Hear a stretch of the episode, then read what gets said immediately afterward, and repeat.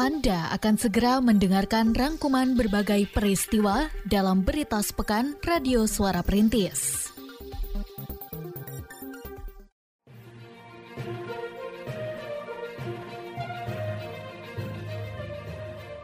Berita sepekan Radio Suara Perintis FM Kota Sukabumi.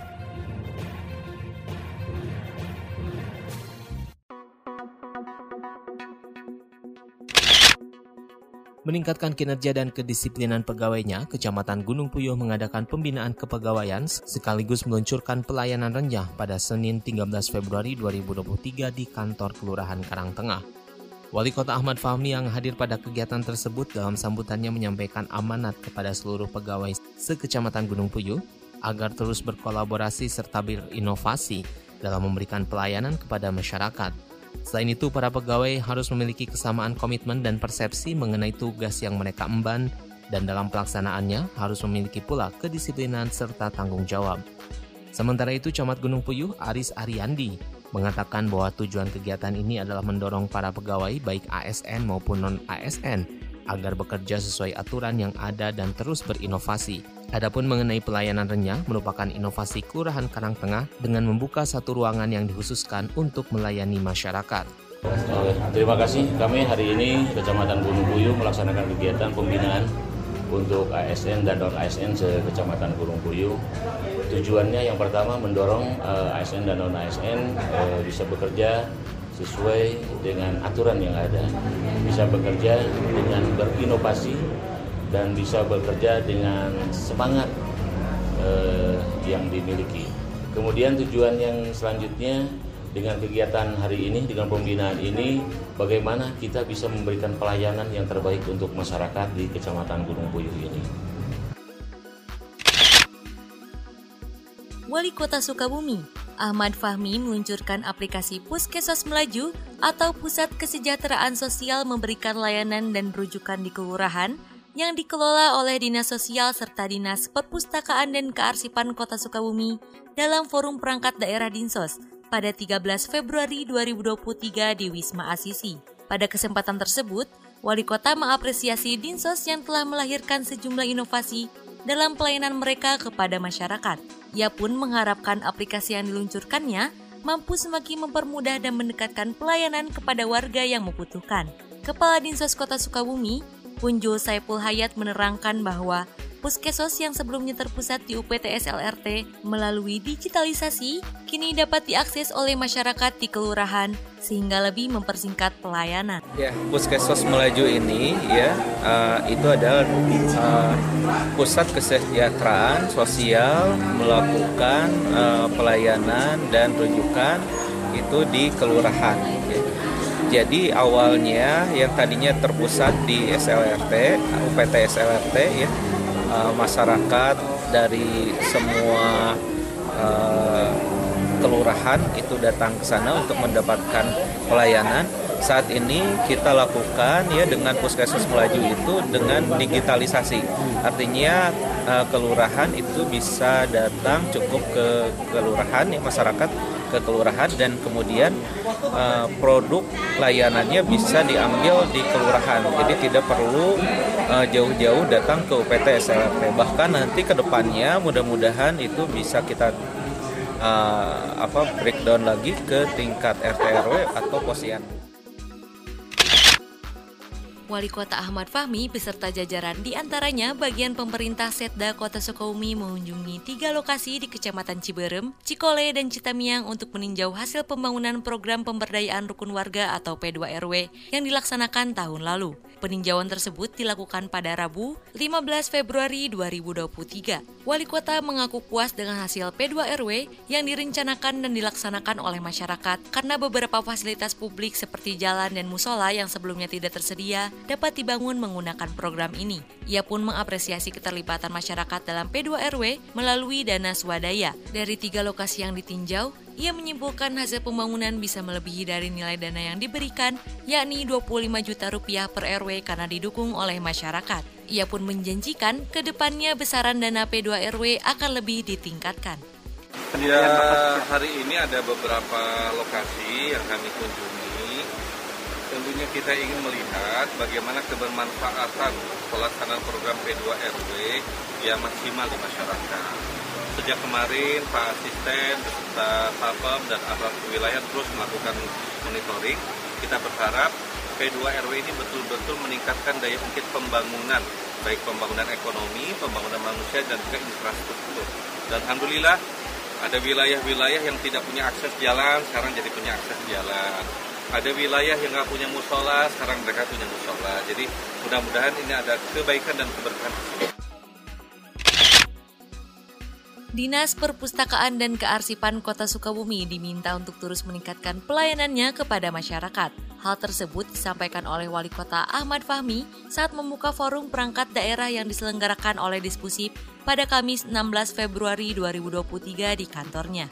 Wali Kota menegaskan bahwa dalam layanan perpustakaan, Dispusip harus meningkatkan fasilitasnya, sehingga masyarakat merasa puas dan nyaman menggunakan layanan perpustakaan. Peningkatan fasilitas tersebut harus dilakukan pula di berbagai pojok baca, seperti yang ada di Lapang Merdeka. Sedangkan dalam layanan kearsipan, ia menekankan pentingnya pengelolaan arsip yang baik sehingga bisa terbentuk database yang akan berguna dalam laju pembangunan di masa depan.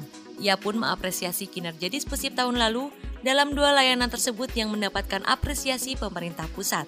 Sedangkan, Kepala Dispusip Kota Sukabumi, Andri Setiawan menjelaskan bahwa melalui FPD, pihaknya berupaya menyerap semua aspirasi pemangku kepentingan untuk kemudian diselaraskan dalam penyusunan program kerja tahun 2024. Ia mengharapkan tahun depan lantai 3 gedung Dispusip dapat dioperasionalkan untuk mengoptimalkan layanan perpustakaan dan penerapan aplikasi Serikandi untuk pengarsipan bisa digunakan secara luas. Saya sudah menyampaikan kondisi yang ada di uh, kami ya dengan lahan yang terbatas tetapi ketika uh, operasional op, khususnya perpustakaan kita sudah. Ya mudah-mudahan dengan hari ini kita melaksanakan uh, forum perangkat itu Pak Wali hadir tengah-tengah kita. Kita ingin mendorong supaya lantai tiga bisa terwujud.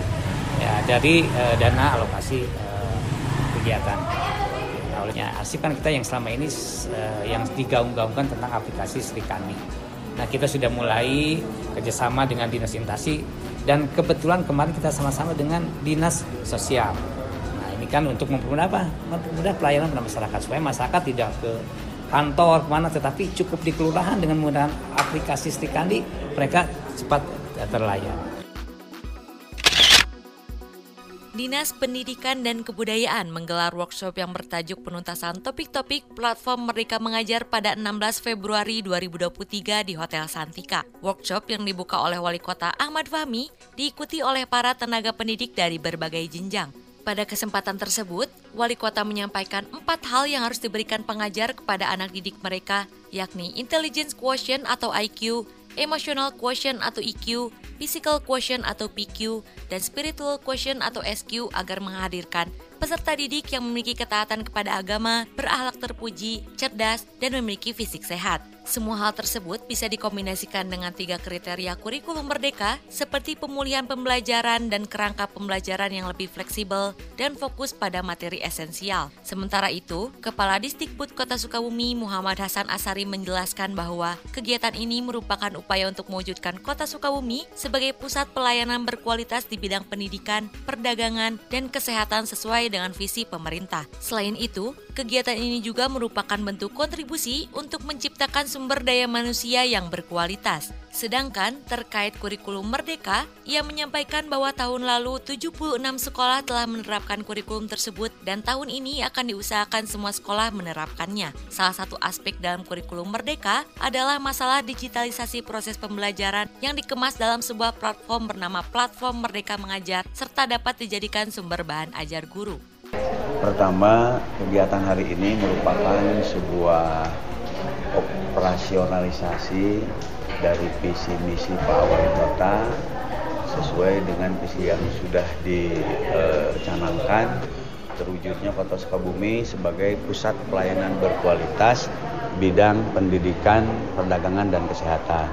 Sektor peningkatan kualitas di bidang pendidikan adalah salah satu yang menjadi tanggung jawab Dinas Pendidikan dan Kebudayaan Kegiatan hari ini adalah salah satu atau e, merupakan serangkaian dari kegiatan-kegiatan yang tujuannya untuk memberikan kontribusi terhadap peningkatan kualitas sumber daya manusia.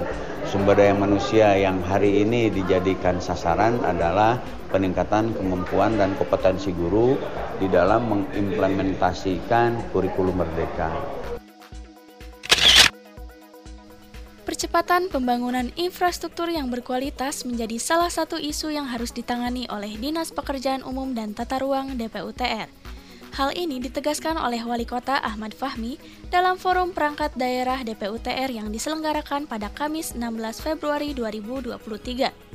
Isu lainnya yang juga harus diakomodir oleh DPUTR dalam rencana kerja tahun 2024 adalah percepatan penurunan stunting – melalui penyediaan infrastruktur permukiman seperti terbangunnya fasilitas air bersih serta pengurangan resiko bencana di wilayah permukiman warga.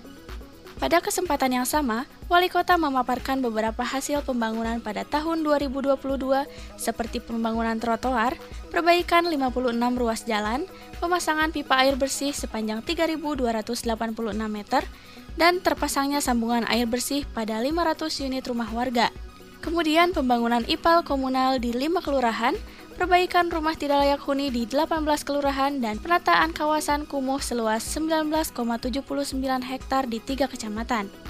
Ia mengharapkan FPD DPUTR yang melibatkan para pemangku kepentingan dapat menghasilkan perencanaan yang baik dengan menyerap berbagai aspirasi yang muncul dalam forum tersebut. Dalam FPD PUTR yang saya sampaikan kepada teman-teman, bagaimana percepatan infrastruktur harus didesain sebaik mungkin. Kemudian bagaimana yang kedua pelayanan publik juga harus betul-betul kita persiapkan reformasi birokrasi di dalamnya dan juga bagaimana kita mempersiapkan potensi-potensi pembangunan yang bisa menahan resiko dari bencana yang ada di wilayah Kota Sukabumi.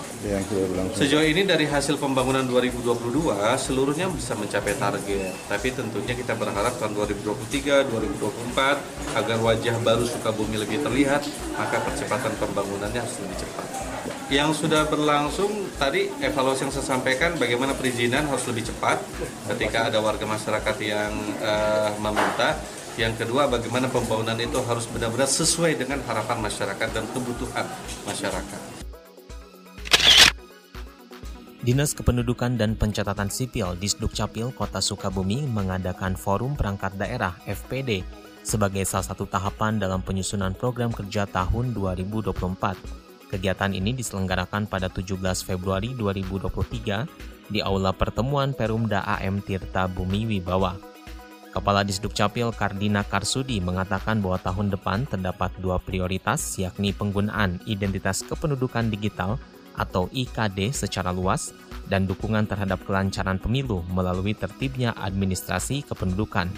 Khusus untuk digitalisasi identitas kependudukan, ia mengharapkan masyarakat bisa mulai mengaktifasi karena diperkirakan 2 hingga 3 tahun ke depan persyaratan pelayanan publik akan menggunakan IKD. Adapun untuk program tahun 2023, Disduk Capil akan meningkatkan pelayanan si jempol ke berbagai lokasi setiap hari Sabtu, kemudian pada bulan Maret mendatang akan menggelar isbat nikah, serta meningkatkan pula layanan untuk warga disabilitas. Jadi memang ada prioritas di tahun 2024, pertama berkaitan dengan digitalisasi, kedua berkaitan dengan pesta demokrasi.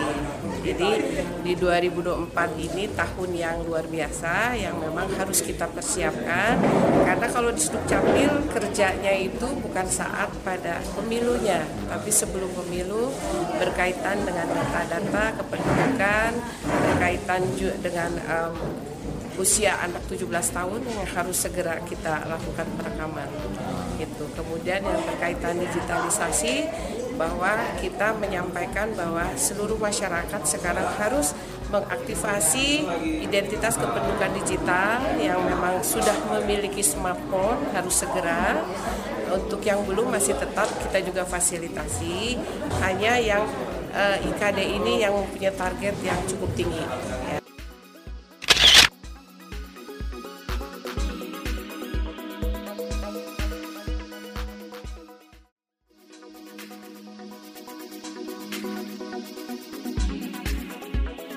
Demikian berita sepekan Radio Suara Perintis edisi kali ini.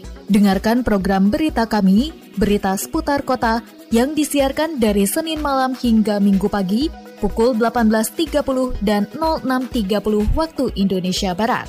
Dengarkan pula setiap Senin hingga Jumat, berita siang pukul 13.00, berita sore pukul 16.00, dan berita malam pukul 21.30 waktu Indonesia Barat. Terima kasih, sampai berjumpa di Berita Sepekan edisi selanjutnya.